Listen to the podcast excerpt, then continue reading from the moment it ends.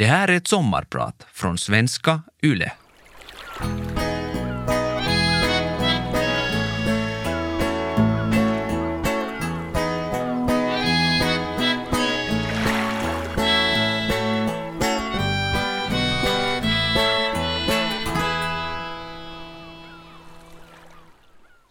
När man tar en tugga av sommarens första nypotatis tystnar allting. Det är en blandning av den sammetslena potatissmaken, sältan från smöret och dillen som kittlar till på tungan.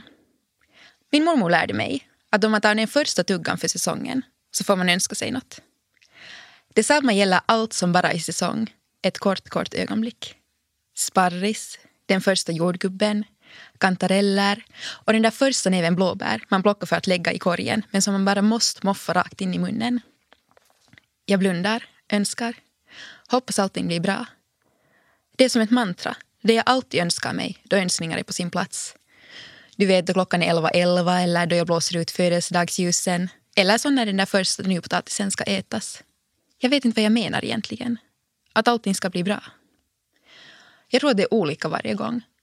Ibland är det något litet som måste bli bra. En kaka måste lyckas, jag måste komma i tid, må jag klara tentan. Ibland är det något stort som får gråten att stocka sig i halsen. Hoppas allt blir bra. Och ibland är det att inte skämma ut sig i nationell radio. Hoppas allt blir bra. Jag jobbar som receptkreatör, programledare och kokboksförfattare. Och idag ska jag berätta för er om det som är gott, hur sommaren smakar och om de enklaste av råvaror. Ni ska få höra om hur det är att lära sig koka ett strutsägg och att jobba med att inspirera andra till någonting så alldagligt som att äta. Mat för mig är den största av kärlekshandlingar. Att stå i köket, tillreda, smaka av, plocka ihop. Här, åt dig. Det tror jag att du gillar. Jag heter Tara Junker och idag är jag din sommarpratare.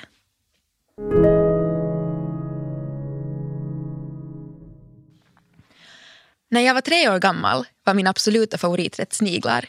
Och när jag var fyra förskräcktes jag av att våra middagsgäster inte visste skillnaden på bulgur och couscous. Tillsammans med mamma tittade vi ner i bunkar med blötlagda bönor. De etniska matbutikerna under tidigt 00-tal lämnar kanske lite att önska. Ibland kunde några ovälkomna nya husdjur simma runt bland bönorna. Det fanns alltid roliga inslag i vardagsmaten. Det är så klyschigt att ha sin mamma som största förebild i köket. Men hon har gett mig allt. Vi bodde på Tumis och de dagarna hon inte lagade mat från grunden tog hon med mig på middag hos sina vänner. Vuxna, som jag alltid sett som min familj. Tidigt fick jag lära mig att mat inte bara är smak och råvaror. Det fanns ingen tryggare än att somna i rummet intill och höra det glada middagssorlet. Jag förstod att måltid är minst lika viktigt som mat. Hur man äter, med vem man äter och hur samtalsämnena flyger. Det är en helhet. Så gott som varje dag skickar mamma och jag bilder av vad vi ätit till middag till varann. Delar recept och kokböcker. Min mamma rullar aldrig köttbullar till middag och det är jag evigt tacksam för. Att hon istället gav mig matglädjen. Då jag var tio öppnade jag restaurang i vårt vardagsrum. Det var min födelsedagspresent till mamma. Det finaste man kan ge någon är sin matlagning och omsorg. Det var sju rätter. Jag var absolut ingen underbarn. Jag bara gillade att laga mat. Under lågkonjunkturen 2008 sadlade min mamma och bonuspappa om och öppnade surdegsbageri på gatan där vi bodde. Jag var 14 år och det var kanske det pinsammaste jag varit med om. Att mina föräldrar inte skulle ha ett vanligt jobb. Tänk om inga kunder kommer. Förödande. Min styvbror och hans fru baka och vi stod och sålde med resten av familjen. Tre personer som aldrig tidigare jobbat inom restaurangbranschen. Min bonuspappa är från Tyskland och vi sålde tyska bröd och bakverk på löpande band. Roggen, köbes och månbrödchen. Milchreistorte, schweinoren och mandelhörnchen. Det blev som tur var inte så pinsamt, för allt som oftast var det kö ut i gatan. Det var det konstigaste. Att folk stod i kö för att köpa de smörgåsar min mamma alltid berättade åt mig. Eller att folk vallfärdade för att äta den gravlax som brukar stå på vårt julbord. Samtidigt började jag matblogga. Att tänka på mat, smaker och kombinationer har varit min vardag i över tio år.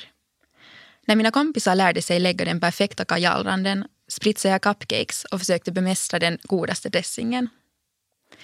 Några år senare flyttade jag hemifrån, till Tyskland. Bodde ensam i ett litet korsvirkeshus, gick i skola. Jag var 16 nu. På måndagarna gick jag förbi de tre turkiska fruktbutikerna i mitt kvarter och jämförde priser och gick sen en runda till för att plocka på mig det jag ville äta under veckan. Alltid fanns det något nytt att ta med sig hem och bekanta sig med i köket. Färska dadlar, okra eller kvitten. Örter i stora knippen och oliver i litersburkar. Sen ett projekt att ta sig hem utan att någon av de andra butiksägarna skulle säga att jag gått till konkurrenten. Men varje söndag ett haveri då butikerna var stängda. Det är otroligt att jag kunde glömma det vecka efter vecka och att det alltid var på söndagar som mjölken tagit slut och kylskåpet ekat tomt. I min dagbok skrev jag prydligt ner överlevnadstips för framtiden. Kidneybönor är inte så torra som du tror. Och se till att aldrig vara så pank att du måste koka din gröt på bara vatten igen.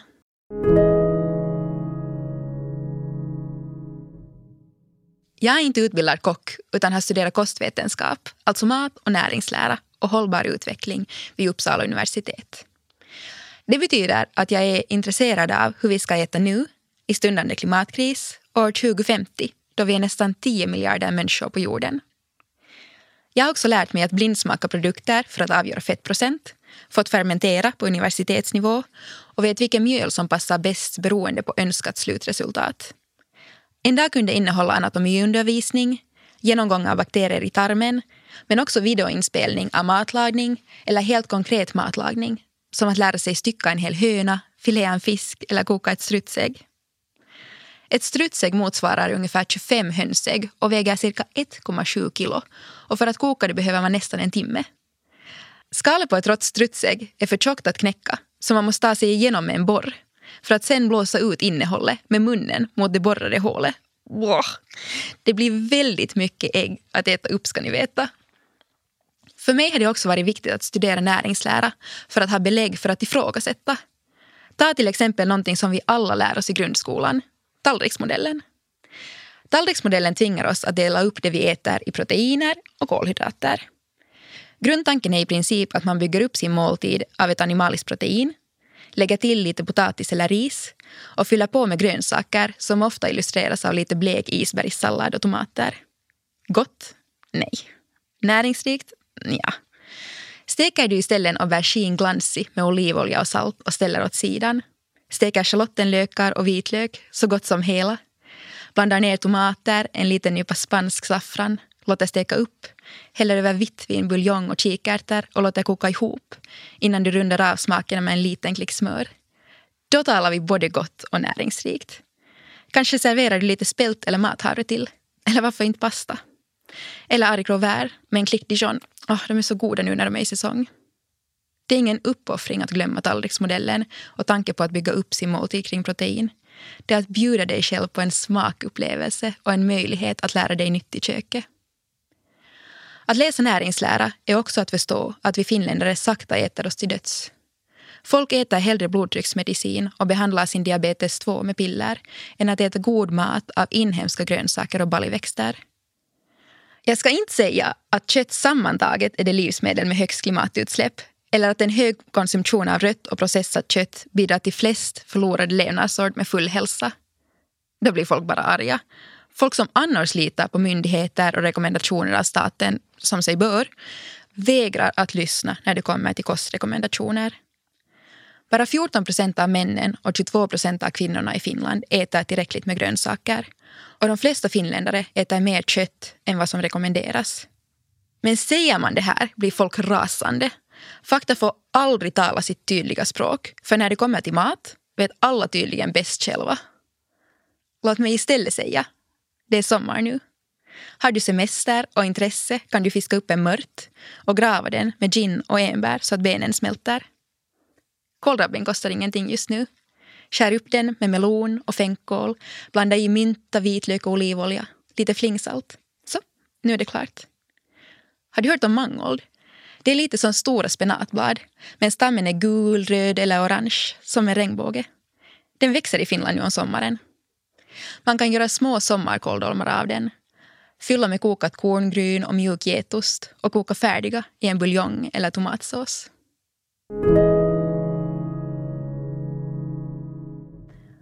Klockan är 6.30 och någon ringer på dörren. Det ilar till i magen. Vi är inte färdiga att åka än. Vi börjar jobba 6.30 i det som nu är igår och vi är inte klara än. Det är så här det går när man är två som ska laga mat åt flera hundratals personer. Storköksbelysningen sticker i ögonen. Jag är fullständigt genomdränkt av frityrlukt. Golvet är klibbigt och skorna låter ritsch mot golvet då vi springer omkring. Det är oklart om känslan mest liknar att vara riktigt, riktigt full eller riktigt, riktigt bakis. Men låt mig säga att det absolut är en känsla när man jobbar 24 timmar i sträck och precis ska ge sig in i nästa dygn. Sedan jag slutade matblogga, då bloggar övergick Instagram-eran, har jag fortsatt fota allting jag ätit. Söker man på mat i mitt telefonalbum dyker 32 385 bilder upp. Så här upprätthöll jag mitt matintresse i gymnasiet. Fått allt jag åt och jobbar på restaurang 50 timmar i veckan. Efter mitt första år vid universitetet öppnade jag ett frukostcafé under sommarlovet. Mitt alldeles egna ställe, precis som jag drömt om. På menyn, som byttes ut veckovis, fanns rätter som grillade croissanter med brieost, blåbär och basilika. Turkisk yoghurt med rostade ingefärspäron med en kompott gjord på torkade tranbär och aprikoser. Två recept som flera år senare skulle hamna i en av mina kokböcker. Blåbärsbovetegröt med tahini och amarantpuffar rabarbervispgröt med limejordgubbar och banana bread med hemkokt riktigt tjock dulce de leche med passionsfrukt och jordgubbar. Jag var 20 år och jag bjöd på det absolut godaste jag visste. Frukost. Det var efter den här sommaren som jobben började rulla in och jag startade mitt eget företag. Jag började jobba som matjournalist och ordnade samtidigt bruncher på Tavastia, den legendariska rockklubben i Helsingfors. Jag bodde och studerade fortfarande i Sverige, vilket försvårade hela en aning. Men envishet varar längst, ni vet. En kväll då jag satt och läste på biblioteket ringde min barndomskompis Anna mig. Vi hade inte hörts på flera år och jag ryckte till när jag såg hennes ansikte lysa upp på skärmen. Anna hade hört att jag letade efter ett kök att jobba i och hon tänkte hjälpa mig med det. Men hon gav mig inte bara ett kök. Några månader senare hade det hela resulterat i mitt andra företag. Och där stod vi nu alltså tillsammans 6.30 ännu en morgon efter att ha bakat bröd och kakor, gjort röror, salladsblandningar, kompotter och juicer hela natten. I köket Anna fixade fram utvecklade vi ett koncept där man kunde beställa hem frukost till dörren. Det här låter ju inte konstigt alls. Men det här var en tid då hemkörningstjänster som Volt och Foodora var nya och det ännu inte gick att få allt man ville exakt när som helst. Också den här idén urartade snabbt i en verksamhet som gjorde produkter för andra kaféer och tillställningar. Vi kallade det aldrig cateringfirma, men det var väl ungefär det det var. Vi jobbade så att vi körde några dygn i sträck och sen sov vi några timmar däremellan innan vi började på nytt. Det här dels för att helt enkelt hinna med alla beställningar, dels för att vi både studerade på heltid och dessutom jobba med andra projekt samtidigt. Anna var mycket tuffare än jag. Jag spydde lätt av trötthet. Allting blir skruvat till max när man inte har sovit och samtidigt ska prestera sitt allra bästa. Man gråter lätt, men mycket blir också hysteriskt roligt. Vi vred oss av skratt och klockan var 3.30 och vi hade tusen donuts kvar att fritera. Vi hade ingen bil och vi transporterade alla våra ingredienser i enorma resväskor som vi släpade fram i snön. Ingenting vi gjorde var smidigt. Alla beslut fattades på impuls om vad som kändes kul i stunden. En del saker blev verkligen så där. Men mycket blev också väldigt bra. Det här är någonting jag saknar i mitt jobb idag. Att jobba med sin bästis är någonting som alla kvinnor blir varnade för. Ni vet, tjejer är så knepiga. Men det finns ingen jag vill rekommendera mer än att jobba med någon man kan gapskratta med. Som alltid vet vad som händer hos en privat och som inte blir alltför arg om man somnar mitt i ett arbetspass. Efter en liten olycka när min kropp helt enkelt inte orkade mer och jag bröt två ben i mitt vänstra ben bara av att snubbla. Ja, kroppen sa helt enkelt upp sig totalt. Blev jag sängliggande i flera veckor. Jag fick sitta och blanda kokosjoghurt i sängen. Jag tänker att det är preskriberat vid det här laget. Men om Livsmedelsverket lyssnar kan jag hälsa att du ler riktigt gott ändå. Så här snurrade det på de första åren, både i mitt eget företag och tillsammans med Anna. Varje dag någonting nytt utveckla menyer och koncept för restauranger, laga mat åt världsstjärnan Sara Larsson eller förverkliga maten för någons bröllop. Man ska inte jobba för mycket och det är inte coolt att vara stressad. Ni vet det här. Jag vill inte försköna bilden av att jobba mycket men det går helt enkelt inte att berätta historien om ja, hur allt nu blev som det blev utan att ha med de här bitarna om tider då det jobbats i raketfart. Det enda jag ångrar från den här tiden är att jag inte skrev upp några recept. Många rätter hade finslipats fram under nattliga matlagningssessioner och lagats ett tiotal gånger innan de blev perfekta. Och att kunna läsa igenom de här recepten hade varit en hälsning från mitt fullständigt orädda, påhittiga och envisa 22-åriga jag. Jag heter Tara Junker och idag är jag din sommarpratare.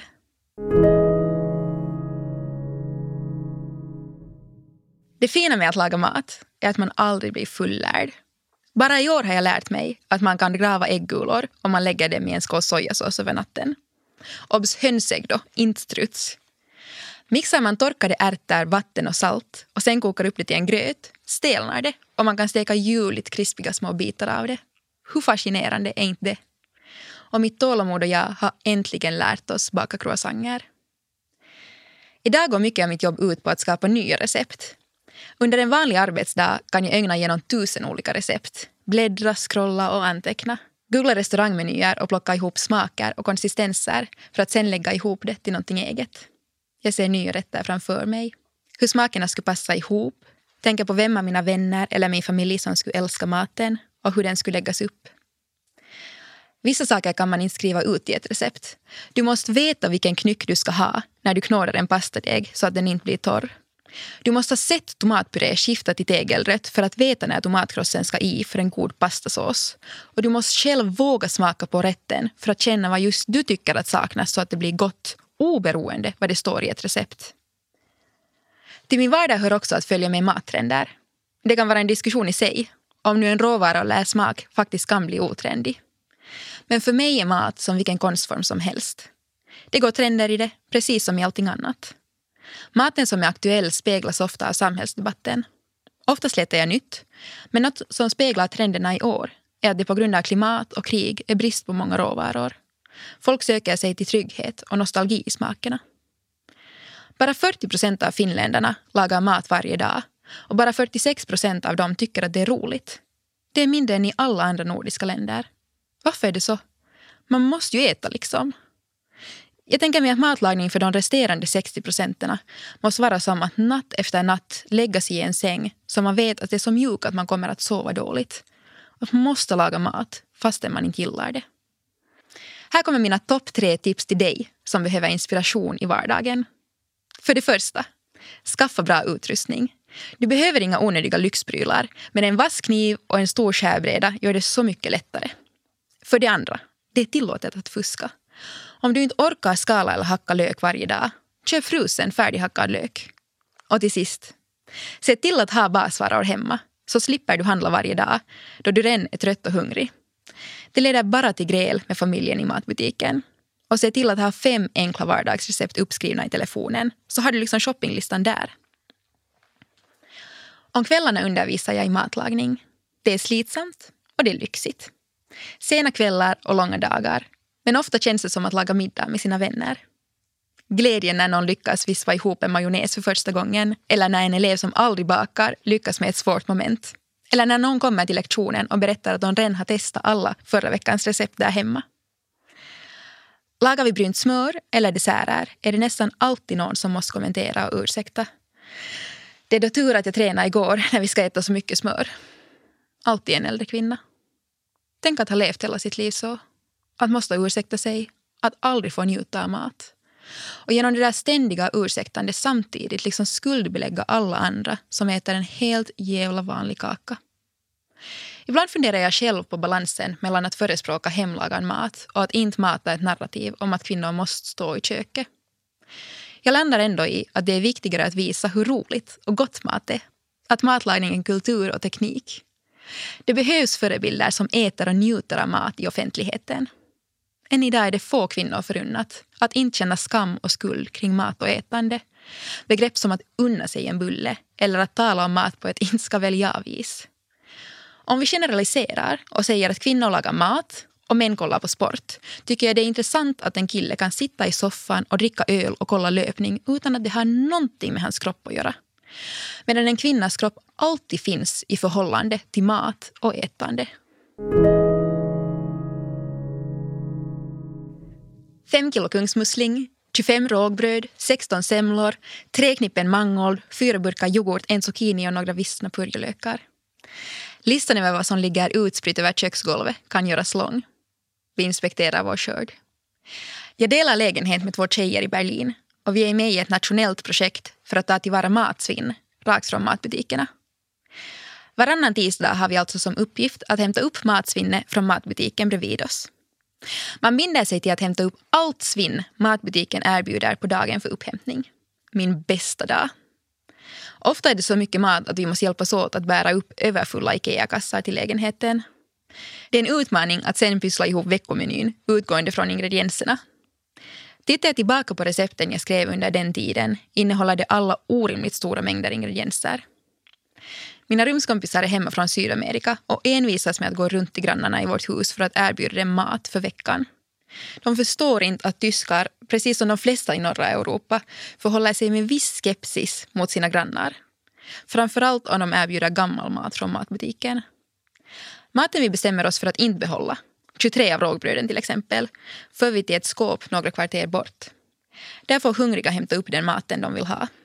Mat som hinner bli gammal eller som ingen tar läggs i en låda under skåpet och körs sen ut till en bondgård i utkanten av stan och blir djurfoder. I Finland kastar vi en miljon kilo mat varje dag. Japp. En miljon kilo mat varenda dag bara i Finland. Den största källan till det här är hushållen, hemmen, alltså du och jag, som står för ungefär en tredjedel av matsvinnet. Kring det här finns väldigt lite lagstiftning i Finland. Men vår byråkrati skulle heller aldrig tillåta ett liknande matsvinnsprogram som det jag var med om i Tyskland. Ingen skulle kunna garantera hur kylkedjan har sett ut och genom vilken dörr maten transporterats och annat som restauranger i Finland ständigt måste hålla koll på. Byråkrati och renlighet som har gjort oss till kanske det mest allergiska landet i hela världen. Men det får vi gå in på en annan gång. En tredjedel av all mat som produceras i världen åker idag rakt ner i soporna och skulle matsvinn vara ett land skulle det vara det landet i världen med störst utsläpp efter USA och Kina. I Frankrike får matbutikerna betala böter för den maten de kastar bort. Mat är inte bara njutning, estetik och smakupplevelser. Det är också provocerande, omdebatterat och politiskt. Mat och måltid är starkt kopplat till klass, det debatteras sockerskatt, köttets vara eller icke vara och de flesta av våra folksjukdomar är kopplade till våra matvanor och kostar samhället miljoner varje år. De gånger jag legat på sjukhus, läx de brutna benen ni vet, har jag blivit serverad mat som varken jag eller personalen vet vad det är. En sås med något oidentifierbart i helt enkelt och en sockersöt dessert till. 2003 när USA gick in i Irak deklarerade min mamma att nu är det slutätet på den stora amerikanska hamburgarkedjan. För mig har det från mycket tidig ålder varit självklart att du som konsument bestämmer vart du vill att dina pengar ska gå. Konsumtion är som yttrandefrihet. Bara för att du kan välja vad som helst betyder det inte att du ska göra det. Du har en skyldighet att läsa på och du kan till exempel själv bestämma i vilken mån du vill understödja internationella storföretag. Mat är en mänsklig rättighet och ändå lever nästan en miljard människor i svält. Det vi tror att är en enkel torsdagsmiddag bygger på beslut om hur mycket pengar som går till producenten, vem som har råd att äta vad, vem som får profitera på vilken matkultur och hur hushållsarbete är uppdelat i hemmen. Det finns mycket att ta ställning till. Därför är jag svårt att relatera till folk som säger att de inte är intresserade av mat. Mat är, mat är allt.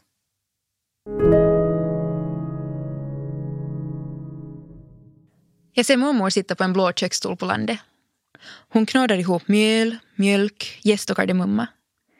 Noga med att jag inte får öppna ytterdörren och orsaka drag. Om somrarna brukar vi flytta ut till skärgården. Där bodde vi sedan tio veckor i sträck. På Tumis om vardagarna. Åkte båt och fiska och spela kort. Varje fredag tog vi båten in till butiken.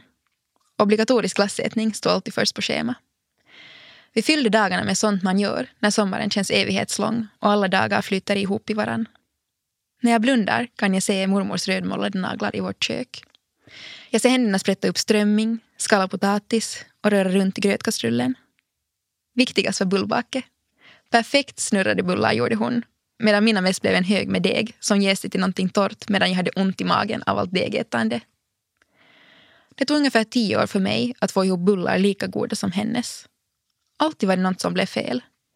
Degen jäste inte, eller så blev degen för torr eller bullarna för hårda. Men jag tänker att det kanske ändå var någonting annat som gjorde bullbakande svårt.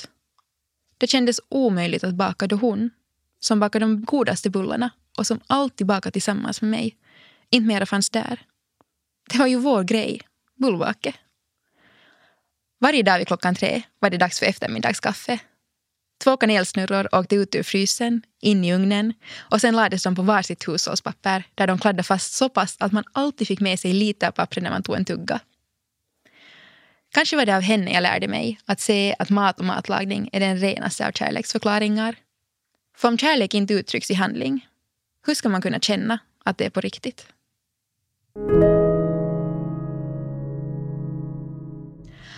Det jag saknar mest i matbutikerna i Finland är de fula, riktiga grönsakerna.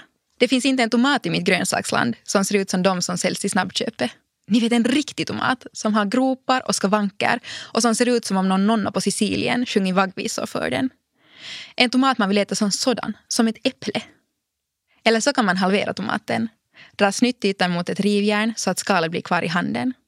Sen smaka av tomatköttet med vitlök och god olivolja, en nypa socker och salt. Ösa upp på gott rostat surdegsbröd och toppa med sardeller. Mm, eller varför inte förvandla dem till en tomatcurry? Mjuka upp den med smör. Eller göra en tarte tartare och karamellisera med lite balsamico. Eller bara rätt upp och ner. Tomater, en rumsvarm burrata och lite örter. Nej, nu kom jag av mig. Men det här är varför sommaren inspirerar mig allra mest. Du går ut och där finns mat.